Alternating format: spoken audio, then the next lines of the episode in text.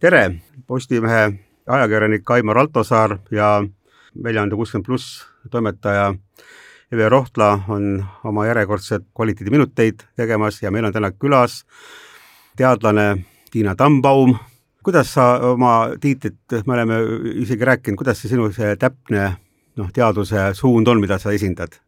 teaduse suund on haridusgerontoloogia. haridusgerontoloogia, jah aga noh, Tiina on meil juba mitmendat korda juba sellepärast, et ega neid teadlasi, kes on uurinud noh, vananemisega seotud temaatikaid noh, just teaduslikult ja süsteemselt, meil väga palju ei ole. loomulikult on hästi palju erinevaid eh, valdkondi, mis peaksid nagu olema sellega seotud, aga aga me hakkame kusagilt jälle peale. Evel on järjekordne kuuskümmend pluss ilmunud ja võib-olla me täna sellest kuuskümmend plussist eraldi ei räägi, aga ma iga, igal juhul soovitan kõigil, kes ka meie podcast'i, meie taskuhäälingut kuulevad, ka kuuskümmend plussi lugeda, sest et noh, tegelikult me teeme seda teatud niisuguses noh, koostöös. Eve võib-olla ütle paari sõnaga, mis tänases selles juunikuises kuuskümmend plussis oleks nagu lugemist, noh, mida sa soovitaksid? juunikuine number, nagu kuugi ütleb, on suvine et, et natukene vähem muret ja, ja rohkem sellist päikesepaistet ja lilleilu, siis on meil praktiline õpetus, kuidas pildistada lille, mis on tulnud siis lugejate soovil selline teema meie ajakirja. see on seenioridele väga väga paljudele seenioridele üks lemmiktegevus ja, ja saab ju pildistada teda mitte ainult fotoaparaadiga, vaid juba ka seenioritel on ju nutitelefonid käes ja kui nad käivad kusagil reisidel üle kogu Eesti või isegi teevad õhtuti mingisuguseid jalgsimatku ja kui paistab kuskil üle aia mingisugune vahva lill, siis nad armastavad neid pildistada. no kui ma olen kohtunud vanemaealiste naiste, aga mitte ainult naistega, vaid ka meestega, siis äh, väga paljud just näitavad mulle, et vaata, kui toreda pildi ma sain. ehk siis kuidas portreteerida lille ja seda siis õpetab tegema loodusfotograaf Jaak Põder siitsamast Nõmme kandist nii et äh, tema siis annabki häid, häid nippe ja nõuandeid, et kui kõrgelt ja kuidas seda teha ja mis selle, mis selle portree peal peab kõige tähtsam olema. aga ma soovitan lugeda läbi ka intervjuu sotsiaalkaitseminister Signe Riisaloga, kes äh, hakib peeneks siis selle teema, et valitsus kavatseb juba lähiajal lõpetada ära ametsooduspensionite maksmise, et ka kõik baleriinid, maalrid, kaevurid, keevitajad, kõik kaotavad õiguse minna viis aastat varem või kümme aastat varem pensionile. ja miks see nii on, kas see puudutab Riigikogu liikmeidki, kas see puudutab kaitseväelasi, politseinikke, me teame siis ka kohtunike leskesid, et, et kuidas see on ja, ja mis siis saab, kui on juba see sooduspension välja arvestatud, kas siis see jääb edasi kestma või siis see ka kaotab kehtivuse, et sellest kõigest saab siis ka lugeda. portreteerime Rein Rannapit. Rein Rannap on väga palju äh, sõna saanud ajakirjanduses seoses sellega, et juba kahekümne viiendat aastat korraldab ta siis ise niisugust kontserti nagu Klaver tuleb külla ja seekord siis kahekümne viiendat korda ja viimast korda. aga meie puudutame küll ka seda teemat, enam aga uurime, missugune oli Rein Rannapi lapsepõlv. millised olid tema vanavanemad, tema e-, vanemad, kuidas möödus tema lapsepõlv, tema noorusaeg, kust sa sai siis selle oskuse ja soovi klaverit mängima hakata ja, ja sealt tuleb väga palju niisuguseid üllatavaid fakte, millest millest suur osa Eesti inimesi ei tea, kuigi nad kõik tunnevad ja teavad Rein Rannapit, aga aga see on niisugune põnev nagu sibula koorimine, et, et tuleb jälle üks kiht maha, et see on, see on selline hästi huvitav lugemine ja seal on palju muudki, noh näiteks suvine aeg on minna lastelastega matkale, mida siis seljakotti panna ja ja kui, ja missugune on see matkatoit, sest et värskes õhus läheb ju kõht kiiresti tühjaks, eriti lastel. nii et see on meil kuuskümmend pluss ja me tegelikult oma saatega, oma selle kvaliteetminutiteks nimetatud saatega püüame ju ka avardada meie kõigi tunnetust, meie arusaama elust. raamatud ja ajakirjad ja ajalehed, mida me loeme, on kahtlemata üks osa sellest. aga ma küsiksin just nüüd, kuidas sa ennast nimetasidki, Tiina, haridusgerontoloogia et ja. Eh, ma pean harjuma selle sõnaga, pole harjunud aga tegelikult noh, ma saan aru, mis selle mõte on et ähm, mis teeks nagu, mis on oluline, et ühiskonnas äh, leviks nagu niisugune arusaam, et äh, vananemine on mitte ainult nagu paratamatu pahe, nagu aru, nagu sageli arutatakse, vaid vaid lihtsalt ka paratamatu hüve, see on meie suur võimalus, et äh, meil on nagu äh, siiamaani noh, see ühiskonna tunnetus olnud selline, et hea on olla noor ja, ja kui see ära lõpeb, siis on kuidagi väga pahasti. aga me siin oma saadetes oleme varem rääkinud ja noh, räägime kindlasti edasi, et kõik ilus võib olla sees olla. ja mul on väga hea meel, et, et meil on nagu selline äh, järjepidevus juba kasvanud, arenenud ja meil on neid autoreid, aga mida veel teha, mida, mida selle hoiakute edasiseks nagu parandamiseks ühiskonnas teha, et me oleksime õnnelikud, teades, et me saame kõik vanaks? mõtleme siis, kes kardab vanadust, kes, kes on kõige suuremas hirmus ma arvan, et noored isegi ei mõtle selle peale ja siis on see keskealine, eks ole, kes siis mm. viskab nalja, et, et juba olen, juba on mingid sümptomid. et äh, ja vanemad inimesed äh, pigem räägivad nendest eelistest, mulle tundub. ja kui nad räägivad, äh, mis on halvasti, noh, seoses tervisega või üksildusega, siis noh, siis on see täpselt samasugune rääkimine nagu keskealistel, aga see kuidagi võimendub või, või seda on rohkem kuulda ja sellepärast arvatakse, et vanemad inimesed kaebavad rohkem ja, ja on kriitilisemad, aga kui teaduslikult uurida, siis äh, on risti vastupidi. et äh, vanemad inimesed väljendavad rohkem positiivseid emotsioone ja, ja väljendavad ka teistele inimestele ja, ja mõtlevad või on ka rahul äh,, rahulolu suureneb äh, võrreldes keskeaga ja seda kõike siis jah, rikub ära, kui tuleb mingi haigus, aga sama asi rikub ära ka keskealise inimese elu, eks ole. nii et äh, see vananemise hirm, mm, hirm vananemise ees, äh, noh, on hirm teadmatuse ees, ma arvan, keskealistel, kui see, kui ta veel ei tea, mida oodata, pluss äh, no päris kõrge vanadus seostub ju ka surmaga ja siis on näidatud, et äh, alateadlikult me va-, kõrgemat vanust noh, võrdsustamegi sellega, et me peame elust lahkuma, see tuletab meile meelde meie surelikkust ja sellepärast me instinktiivselt, evolutsiooniliselt tahame sellest eemal hoida. nii et äh, jah, et see vananemine ise e-, ei ole midagi negatiivset, kui selle sees olla, aga mis on negatiivne, on see keskkond, kus vananev inimene elab ja vot, vot see on see, mis, mis meid noh, paneb ennast ebamugavalt tundma. see on tegelikult hästi-hästi äh, kokku võetud jah, et kui me oleme juba vanad, siis me noh, tunneme elust rõõmu.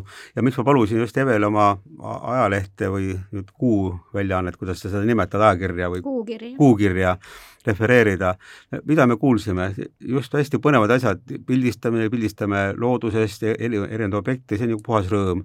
siis tegelemine oma laste-lastega, noh, veel suurem rõõm. ja, ja, ja tegelikult see kuuskümmend pluss äh, ajakiri, noh, ei, ei ole nagu palderänni lõhnane ja kuidagi, et võtad kätte ja muutud juba depressiivseks, vastupidi, et tegelikult on see elurõõmu väljaanne. ja, ja see, mida sa nüüd ütlesid jah, Tiina, selle kohta, et, et noh, see lõpuosa võiks olla inimesel jah, et, et nagu surmahirm, eks ole, see on ilmselt elu seadus, et elu ja surm on mingis mõttes antagonistid, et eks äh, surmahirm on ennekõike nendel, kes veel ei ole ise ja, seal päris just, äh, lõpuosas. et, et ma, ma, ma olen ka enne, enne kui ma vanaks sain olen ka rääkinud mitmete vanemate inimestega ja seda oli väga huvitav kuulda, kuidas noh, üle seitsmekümne, kaheksakümne aasta inimene ütleb, et et ma ei karda surma, see on nii, nii noh, normaalne, see on noh, võib alati tulla, et, et, et me kardame nagu just elukvaliteedi halbtust või niisugust äh, nagu mahajäetust, kõrvalejäetust, tõrjutust äh,, noh, see, mis puudutab elukvaliteeti, aga surma me ei karda. Mm.. ja, ja tegelikult kui vaadata laiemalt, siis elu noh, ongi selleks, et elada, et kui sa juba elad, siis ela. Ja siis kui elad, siis ela hästi, ela õnnelikult, tunne rõõmu. ja, ja selline hoiak peaks olema nagu, nagu normaalne äh, kõigis vanuseastmetes, et äh, alternatiiv on alati noorelt surra, kui sa ei taha vanaks jääda, aga seda ka keegi ei taha aga nüüd ma, meil on jah, selline natuke laiem teemade ring, sest et enne kui me tänast mm, saate, saadet taskuhäälingut tegema hakkasime, meil oli siin mitmeid teemasid.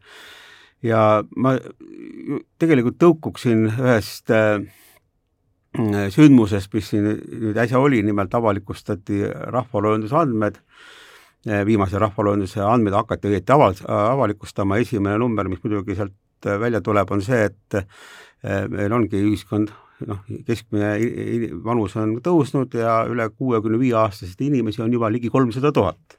et kui me arvestame, et meid on üks koma kolmsada kolmkümmend kuus tuhat ja selle, nendest on siis eh, juba kolmsada tuhat üle kuuekümne viie, siis sellesse võib ju erinevalt suhtuda, aga mina väljendaksin küll, et sellesse saab suhtuda väga positiivselt. et meie inimesed elavad kaua, meil on järelikult selline ühiskond, kus on võimalik kaua elada ja ka, mis tähendab ka kaua elust rõõmu tunda.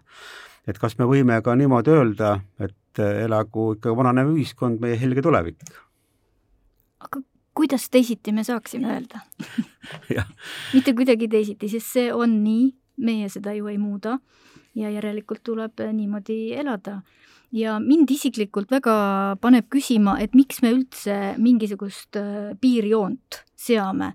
noh, praegu on see kuuskümmend viis, ma tean, see on sellest, äh, sellepärast kuuskümmend viis, et kuskil seal läheduses on äh, vanaduspensioni iga ja väga paljudes riikides on see vanaduspensioni iga sealkandis aga siiski, mis siis, no mis siis muutub? vananemine on protsess, mitte sündmus.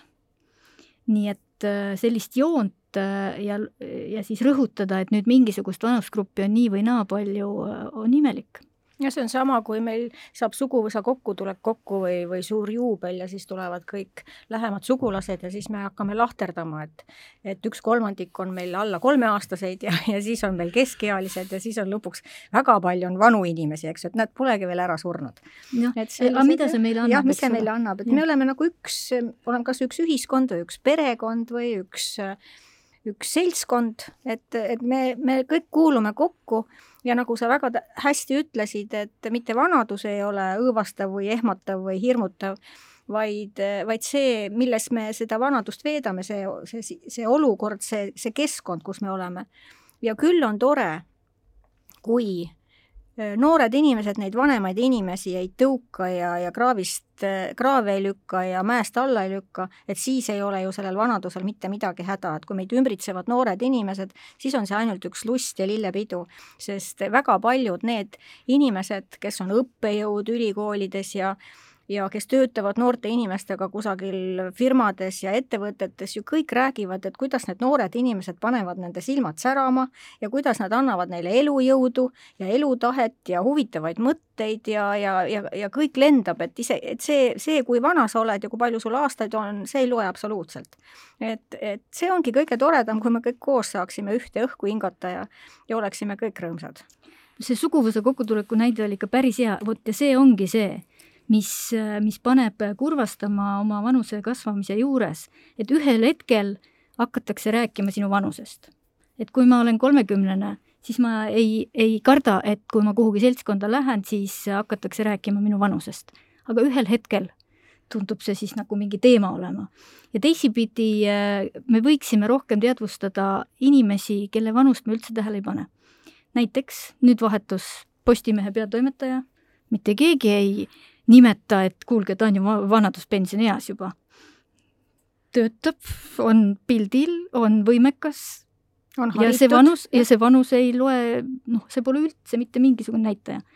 aga inimesi, keda me ei tunne, nendel kargab see vanus meile esimesena näkku ja, ja siis äh, kuidagi on siis nagu tähtsam tunnus äh, selle asemel, et küsida, mis ta teeb, mis ta mõtleb, kuhu ta tahab areneda ja endalt samamoodi. aga, sa, sa rääkisid äh, üksteise noorte ja vana, vanemate suhtlemisest, mul on väga hea näide, hiljutine rääkisin äh, mul on see telefoni seltsitatav Aino ja tema saab koduseid ülesandeid ja ta, ta sai seekord koduse ülesande uurida välja, kõigepealt teha vaatlus ise ja uurida välja, mis on noortel praegu moekad aksessuaarid, mis on kõige moodsam müts kas mobladel on aksessuaare ja mis on äh, jalanõud. ja, ja ta äh, istus liinibussis, linnaliini bussis, tema vastu istusidki noormehed ja ta hakkaski rääkima, ta ütles, et tal on vaja seda teha ja ta oli nii õnnelik äh, selle üle, selle vestluse üle, kui, kui tema rääkis viisakalt poistega ja poisid olid, peegeldasid sama viisakust talle vastu. ta sai uusi teadmisi. Näiteks, et äh, mobiiliaksessuaarid ei ole enam asi, mille järgi joosta. nüüd on hoopis kell, nutikell. ühesõnaga kaheksakümmend pluss äh, naine vestles noortega ja see annab enesehinnangu tõusu, seda on ka näidatud äh, psühholoogilistes eksperimentides, see annab kohe enesehinnangu tõusu. aga mis on puudu, miks seda siis ei juhtu, miks me ei hakka võõraste noortega bussis rääkima mütsimoest? vot see ajend. miks ma sinuga rääkima hakkan? Ja kui see ajend on ületatud, tema ütles, et temal on vaja teha uuringut, jah siis, äh, siis tuli see rõõm Mhm. ja samas need kaks noort meest ei teinud talle niimoodi, et mida sa vana inimene nüüd küsima hakkad, eks ju. see, kui sinu asjade kohta tuntakse mhm. huvi, kes ütleb jah, aga, aga ilmselt ka sellised vanemad inimesed natukene kardavad neid noori, et, et äkki nähvatakse talle, aga tegelikult see nii ei ole, see kõik on mingisugustes hirmudes kinni, ma arvan ka. Jah, ja see ongi see keskkond, mis, mis meid hirmutab.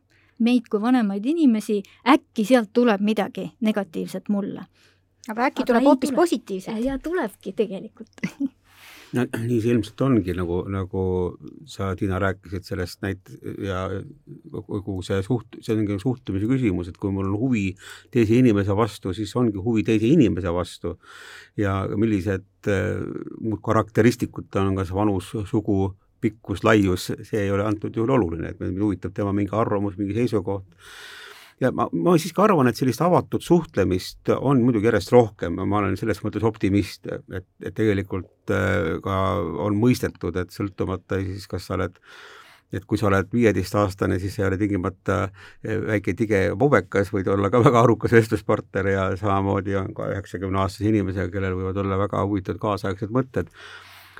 Et me nagu sellisel individuaalsel tasandil noh, kui me suheldes või ka seltskonnas satume kokku, siis meil tegelikult seda võõrastust ongi vähem.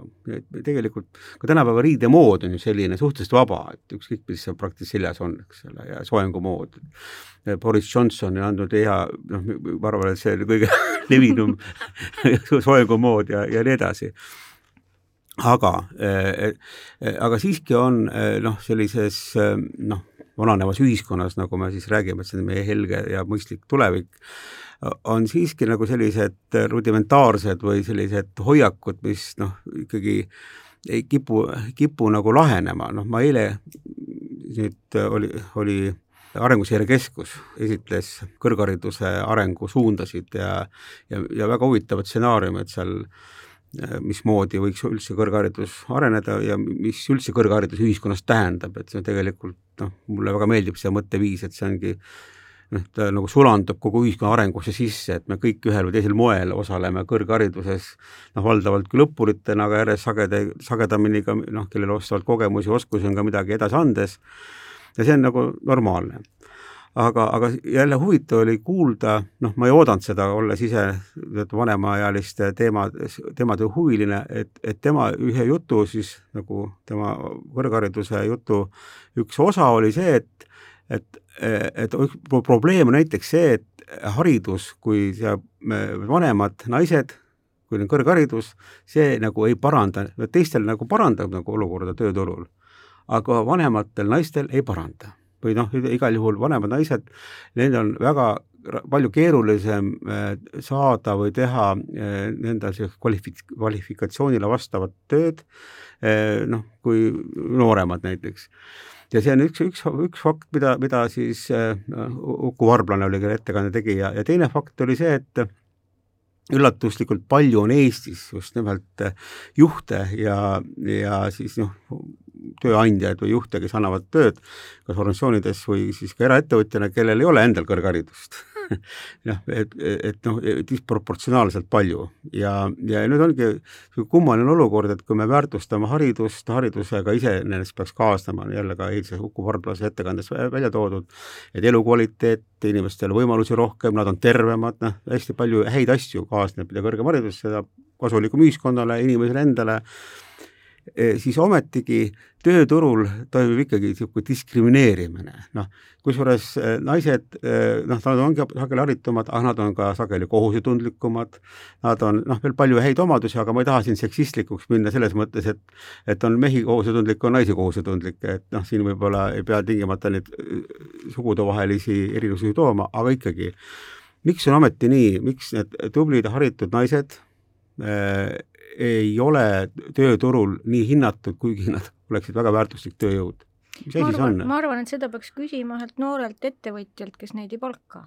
ma ei oska isegi öelda, minu jaoks on see, see ei ole kindlasti kummaline. ühepoolne. see kindlasti ei ole mm. ühepoolne ka, jah. mis ma siin tahtsin veel eelmise Äh, jutu lõpetuseks või, või lisanduseks öelda, et, et miks, miks see selline keskkond selline on, mida ma olen tähele pannud, äh, inimesed ise mingisuguses vanuses hakkavad toonitama, et nad on juba eakad. noh, näiteks mina armastan kuulata Vikerraadiost äh, Uudis plussi lõppu, kus ajakirjanik võtab vastu telefone Äh, inimestelt, kes helistavad sisse mingisugusele päevaküsimusele kommentaare andes. ja üks ja teine ja kolmas alustab, ma olen juba eakas inimene. ma olen, mõtlesin, et mis see siia puutub, kui sa, kui sa räägid sellest, et intressid tõusevad või kui sa räägid sellest, et kuidas sa nüüd toa talveks soojaks saad või või kui sa räägid äh, praegusest poliitilisest olukorrast ja kirbutsirkusest valitsuse tasandil, et miks, mis see nüüd oluline on, et sa, sa oled juba eakas korra mõtlesin, et äkki sellepärast, et näidata oma elukogemust, et ma olen igasuguseid asju näinud, aga, aga see, see iseenese vanaks tegemine käib ka kogu aeg ette ja taha ja kui sa nüüd tuli jutuks, eks ole, et, et see on ka kahepoolne, mine tea, võib-olla see hästi kõrgelt haritud naine läheb ja ütleb, et ma olen tegelikult vana no või isegi ei ütle, aga ta mõtleb. ta mõtleb seda. et minust mõeldakse kui mm -hmm. vanast. aga jaa, see, see, kui inimene esimesena rõhutab oma vanust, siis see näitab, et vanus on tema identiteedi osa. ehk ta identitse-, identifitseerib ennast mitte mingi läbi hobi või ameti või, või rolli perekonnas, vaid äh, läbi vanuse. ja kuna meie ühiskonnas vanus näitab äh, ikkagi kehvemat positsiooni, siis see on tõlkes, nii-öelda tõlkes on, et äh, ärge minult palju oodake. et ta teeb juba ise teiste ootused enda suhtes äh, väiksemaks ja on teada, et inimene vast-, käitub ka vastavalt teiste ootustele ja, ja nii sa muutudki kehvemaks. aga no võib-olla selles kontekstis ta tõesti tahaks ütelda, et ta on elu kogenud ja, ja näinud igasuguseid no aga siis ütle, et ma olen elu kogenud, mitte et ma olen eakas mm. -hmm, jah, ja see on täpselt sama rumal on ennast määratleda vanuse järgi kui see, et ma määratlen ennast ilu järgi. ma olen tegelikult ma väga olen ilus, ilus.. Ma tahan teile ja. täna rääkida ja. poliitilistest mängudest, ma olen siin üks ilus inimene. jah, või siis mees, kes ütleb, et ma olen tegelikult väga nägus poliitik. noh, et võib-olla väga tark. jah, või jah. ja, ja, ja et ise paned endale nagu selle hinde ära ja siis mm -hmm. ootad, et teised sellele reageeriksid. kusjuures see võibki teinekord küll mõjuda, aga pigem küll antud juhul vist naeruväärselt, eks ole mm -hmm.. oleneb oleneb, oleneb jah, jah ja.. aga see on nüüd väga tähtis moment, milleni praegu jõudsime jah, et et eh, eks me tõesti võimendame selle, seda vanust just selles võtmes, et et ta oleks nagu mingisugune vabandus, et ma ei ole nii hea, kui te ootate, et ma olen ju nii vana. et see võib-olla tuleb ka meist endist, et me nagu läheme kaasa ise sellise vanaaegse suhtumisega, et et tõesti, kui sadakond aastat tagasi rasketel põllutöödel oli see vabandus, et ma ei jõua seda adra käi-, adra järgi enam kuuekümne aastaselt nii kõvasti käia kui neljakümne aastane aga, aga noh, see kuidagi see hoiak on siiamaani, et, et me tegelikult tänapäeval ei vaja enam neid omadusi, mis olid tingimata neljakümneaastased, vaid need tarkus, elutarkus, sotsiaalsed oskused, empaatia, need on võib-olla hoopis väärtuslikumad, et et see on suur, suur, suur õnn ja vedamine, et teil on üks tööandjale nagu mõista anda, et, et nii vana inimese, ütleme, mitte vana, et, et minul on neid omadusi, oskusi, millel sul palju rohkem vaja, et kuidagi seda tuleks teistmoodi välja mängida ja ja enesekindlus peaks olema kuidagi ka nagu noh, nagu sisendatav või kaasatav, et aga see enesekindlus kipub jah, sel juhul muidugi nagu pragunema või minema, minema nõrgemaks, kui inimene saab pihta korduvalt ja siis ta muutubki ebakindlaks ja hakkab siis otsima põhjusi, miks mul nii halvasti läheb. aga selleks, see ei pea olema tõesti ainult vanus ja võib-olla inimesel mingi muu põhjus, miks ta ei ole nagu jäänud nagu, ei ole läinud asjad nii, nagu ta on tahtnud aga Tiina, mis sa arvad, miks Mhm. vanemaealistel naistel, kellel on kõrgharidus, siis seal tööturul nii kehvasti läheb? et ma ütlen sellepärast, hea, hea, et sa seda äh, Eve rõhutasid, sest et see oli minu jaoks üllatav, et äh, kõigi muude kõrgharidusega seotud võimalike noh, negatiivsete või probleemsete asjade juures tõi Uku Varblane selle eraldi välja, ma tahan temast, temalt kindlasti seda veel küsida eraldi, aga, aga see tuli eile, eilses ettekandes. ma just mõt- olen selle üle nagu mõtisklenud, et miks see nii on. Täpselt sama tuleb välja ka äh, digioskustes. digioskustes, jah? et kui, äh, kui me võrdleme ennast teiste riikidega, siis just nimelt kõrgharidusega inimeste digioskused ei ole nii kõrged kui teiste riikide kõrgharidusega inimestel. Nad on kõrgemad kui madalama haridusega inimestel, jah, aga võrreldes teiste riikidega me ei ole oma kõrgema hariduse, meie haridustase vanemas otsas on väga kõrge tänu sellele, et nõukogude ajal oli keskharidus eh, kohustuslik. aga me ei ole seda hariduse potentsiaali ära kasutanud, aga see ei vasta nüüd küsimusele, miks no ma hakkasin, esimene mõte on, et kas seal peab ju teadma, kes on nüüd need, kes ei tööta oma valitud eria- või oma õpitud erialal, ei realiseeri oma potentsiaali. Omastehooldus, ma arvan, et võib siin väga suurt rolli mängida, et siis sul on rohkem käed kinni selles töös, mida sa saad teha ja mida sa ei saa teha. ja siis võib-olla ka ameti, ametid, nii-öelda naiste ametid, raamatupidajad, võib-olla need on lihtsalt läinud käest. seda pole enam nii palju vaja kui vanasti. aga ega ma ei oska jah, mul ei ole teadmisi, miks see nii on. aga see on väga kurb, sest see tähendab, et me ei ole suutnud oma potentsiaali kasutada ära. Aga... kindlasti on seal see, see ikkagi noh, öeldakse, et vanuseline diskrimineerimine lööb rohkem naisi. Ehk on selline intersektsionaalne diskrimineerimine ja kindlasti on see naine pluss kõrgem vanus nii-öelda enesehinnang endast, enda väärtustamine on, on raskem naistel vanemas eas kui meestel aga samas on ju, nagu me oleme sellest rääkinud ka oma varasemates taskuhäälingu kvaliteediminutites, on naistel jälle teatud just eelised vananedes, et nad on sotsiaalsemad, neil on sotsiaalsed võrgustikud ja see hoiab neid nagu paremini jälle sellises elus kinni või noh, nad on tegusamad, aga, aga Nad on seltsivamad. seltsivamad, jah. see on võrgustik jah, sotsiaalne ja, võrgustik, aga nagu tööle pakkumine, töö jälle on ju, praegu on vähemasti nendes generatsioonides palju naisi, kes on väga harva üldse tööd vahetanud, kui üldse.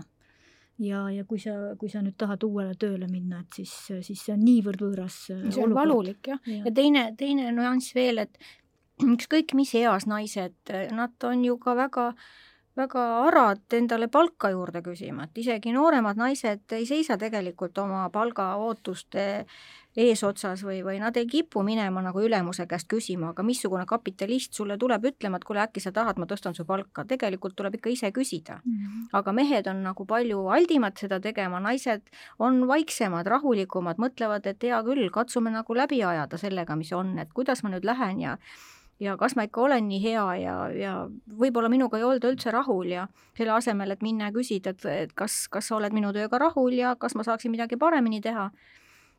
Aga see vahe oli siis, et kõrgharidusega naised on, on, on nagu võrreldes madalama haridusega naistega halve, halvemas olukorras. ei, ma arvan, et see oli nüüd välja too-, see oli välja toodud lihtsalt, lihtsalt kõrgharidusega inimeste hulgast on nagu kõige halvemas positsioonis kõrgharidusega naised. see oli selles, võrreldes see oli selles võrdluses jah, ja, ja noh, siis võib-olla ei ole siin ja, ja, ja, ja, ja teine siis paralleelne nagu haridust puudutav noh, negatiivsem nähtus oligi see, et meil on või küll väga haritud töötajaskond, aga, aga üle, ütleme, ülemus, ülemuskond ei ole nii haritud. Yeah.. et see on ka meie, meie tunnus praegu. aga, aga võib-olla see on ka nüüd jälle üks niisugune ülemineku nähtus, me oleme ikkagi ühiskonnana jätkuvalt veel ju noh, oleme otsa, otsapidi mingisuguses teises süsteemis, kolmkümmend aastat on küll möödas, aga ikkagi on vaja nagu veel avatumaks muutuda ja, ja aga noh, ega see ei ole ka nii lihtne ja noh, ajad on praegu nagu ikka täis kriise ja, ja tagasilööke. aga ikkagi soovitus, kui selle enesehinnanguga on halvasti, siis üks viis, kuidas seda tõsta, on suhtle nendega, kes on sinust erinevad, ehk kui sa oled vanem, suhtle noortega. Kui sa oled naine, suhtle meestega. suhtle meestega, suhtle selle out, out-grupp ehk see, kes, kuhu sina ei kuulu. Mm, -hmm. suhtle nende gruppide esindajatega ja see, ja see tõstab enesehinnangut mm. -hmm aga mis me nagu instinktiivselt teeme risti vastupidi, me ikka mm -hmm. suhtleme ainult omasugustega. jah, me hoiame sinna, kus on sarnased meiega inimesed. no see on jah instinktiivne ja sest inimene vajab nagu turvalist keskkonda, seal ta tunneb ennast kindlamalt, aga, aga võib-olla inimesi tuleb nagu julgustada rohkem suhtlema üldse ja nägema teistes inimestes võimalusi. aga see vist läheb juba omakorda haridussüsteemi, eks ole, et noh, või kuhu tahes, eks me nagu ei õpi nagu inimestega, inim-, inimestena ei, me ei õpi teiste inimestega äh, suhtlema, see tuleb nagu võib-olla sellise lisa, lisandväärtusena, aga sellele me ei keskendu eriti. me peame sellega teadlikult mm, tegelema. Äh, me teame, et see võtab energiat, äh, mm. see, see on riskantne, eks ole, teistsuguste inimestega üldse suhtlemine, mm. ei tea ju, kuidas lõpeb, aga vanus on näiteks, kui me räägime vanusest, siis vanus on ju, tänapäeval on selline lähenemine, et ei ole sellist fikseeritud vanust, vaid vanus kujunebki interaktsiooni või suhtluse käigus. saate aru et, et, et noh, me mm. midagi räägime omavahel ja no kui ja, ja, ja siis me tajume seda vanust läbi selle, kuidas meil see interaktsioon kulgeb. et me oleme ühel lainel võib-olla hoopis ja kuigi ja, võime ja, olla, ja, olla erinevate aastakäikude inimesed. noh, et sugu ei kujune interaktsiooni käigus või, või rass, aga mm. vanus kujuneb, seda enam äh, suh-, suhelge. aga äh, tõesti äh, hiljuti kuulsin raadiost Rainer Saksaga oli intervjuu ja ta rääkis oma eelmisest töökohast luure, jah, ja siis ta ütles, et isegi äh, riikliku luuresüsteemi inimestel, eestlastel on raske, sest luures peab kogu aeg suhtlema, suhtlema, suhtlema, suhtlema, aga Eesti luurajatel on nagu kehvem, kehvem positsioon seal, isegi seda ametit pidades. Ja, ja. Ja mul tuleb just see, nagu sa ütled, et seda enesekindlust peab äh, pidevalt iseendas kasvatama või seda julgust ja, ja ettevõtlikkust, äh, suhtlemisjulgust.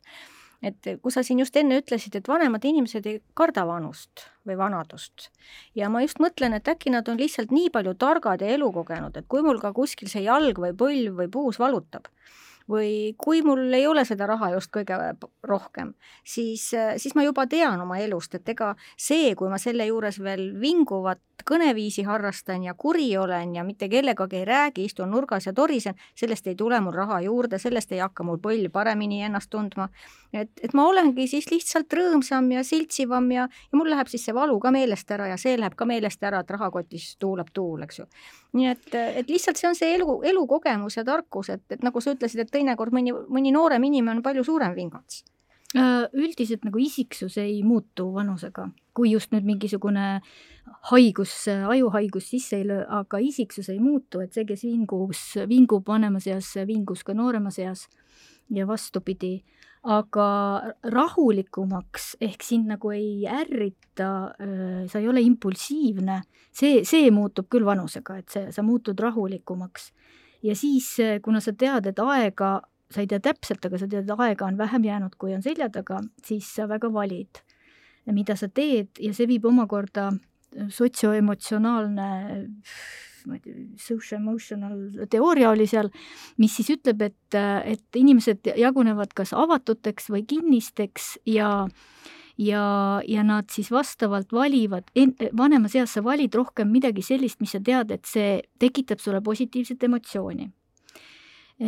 Ja, ja siis nüüd, kui sa oled avatud inimene, siis sa võid seda positiivset emotsiooni natuke kauem oodata, kaugemas tulevikus sa saad selle, aga kui sa veel oled kinnine, siis, siis sa tahad seda kohe saada. ja vot nüüd, kui sa tahad kohe positiivset emotsiooni saada, siis sa ei lähegi võõrastega suhtlema. sa suhtledki oma pereringis, sa, see on kindel, sa tead, mis sealt tuleb, ei riski Äh, aga jah, et oodata, nagu see e-, eluvalikud, igapäevased valikud tehakse selle alusel, et kas ma saan emotsionaalselt heaolutunde, emotsionaalselt just heaolutunde või ma ei saa. See on sul väga hästi sõnastatud, Tiina, ma just ise olen ka mõelnud, et äh, kuidagi hakkan, olen intuitiivselt hakanud valima, et igas, igasugusesse noh, kuidas öelda, konfliktikoldesse või kus on mingisugused keerulised asjad vaja lahendada, ma enam ei torma. noh, kuigi nagu elukogemust oleks ja võiks ju minna igasuguseid asju teha, aga ma mõtlen, et seal on jälle seda negatiivi äkki nii palju, ma ei taha seda sisse lasta mm. -hmm ja, ja tõesti intuitiivselt väga hästi sa ütlesid jah, see, ma otsingi kontakti just kohtades, kus mul tunnen endast nagu mõnusalt, eks ole. Ja, ja sellepärast mulle väga meeldib ka vananemisest rääkida kui sellisest helgest ajast, ma kogu aeg mõtlen, ees on järjest paremad ajad. Et, et võib-olla ma mingi aja pärast enam noh, niisuguse igapäevase tööga nii ei koorma, mis ei tähenda, et ma nagu üldse midagi ei tee, et et see on, ma saan nagu rohkem valida neid asju, mis mulle tõesti nagu teevad nagu mõnu, millega ma olen rahul, noh, mis ja, ja, ja väldin noh, ma ütlen kurje, koledaid, pingeid tekitavaid asju.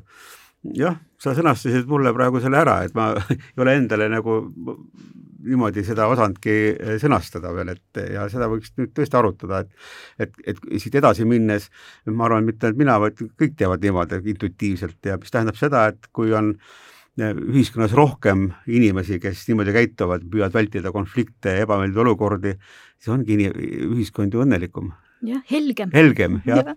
sest et me kiirgame omakorda seda ka noorematesse, et kuulge, et olge rahulikud, et see, mis teil praegu muret valmistab ja tekitab pinget, see läheb üle mina instinktiivselt ei lase endale enam ligi kurje, õelaid, klatšiimulisi ja negatiivseid inimesi, sest mina olen ka mõelnud, et elu on liiga lühike, et nendega mm. maid jagada.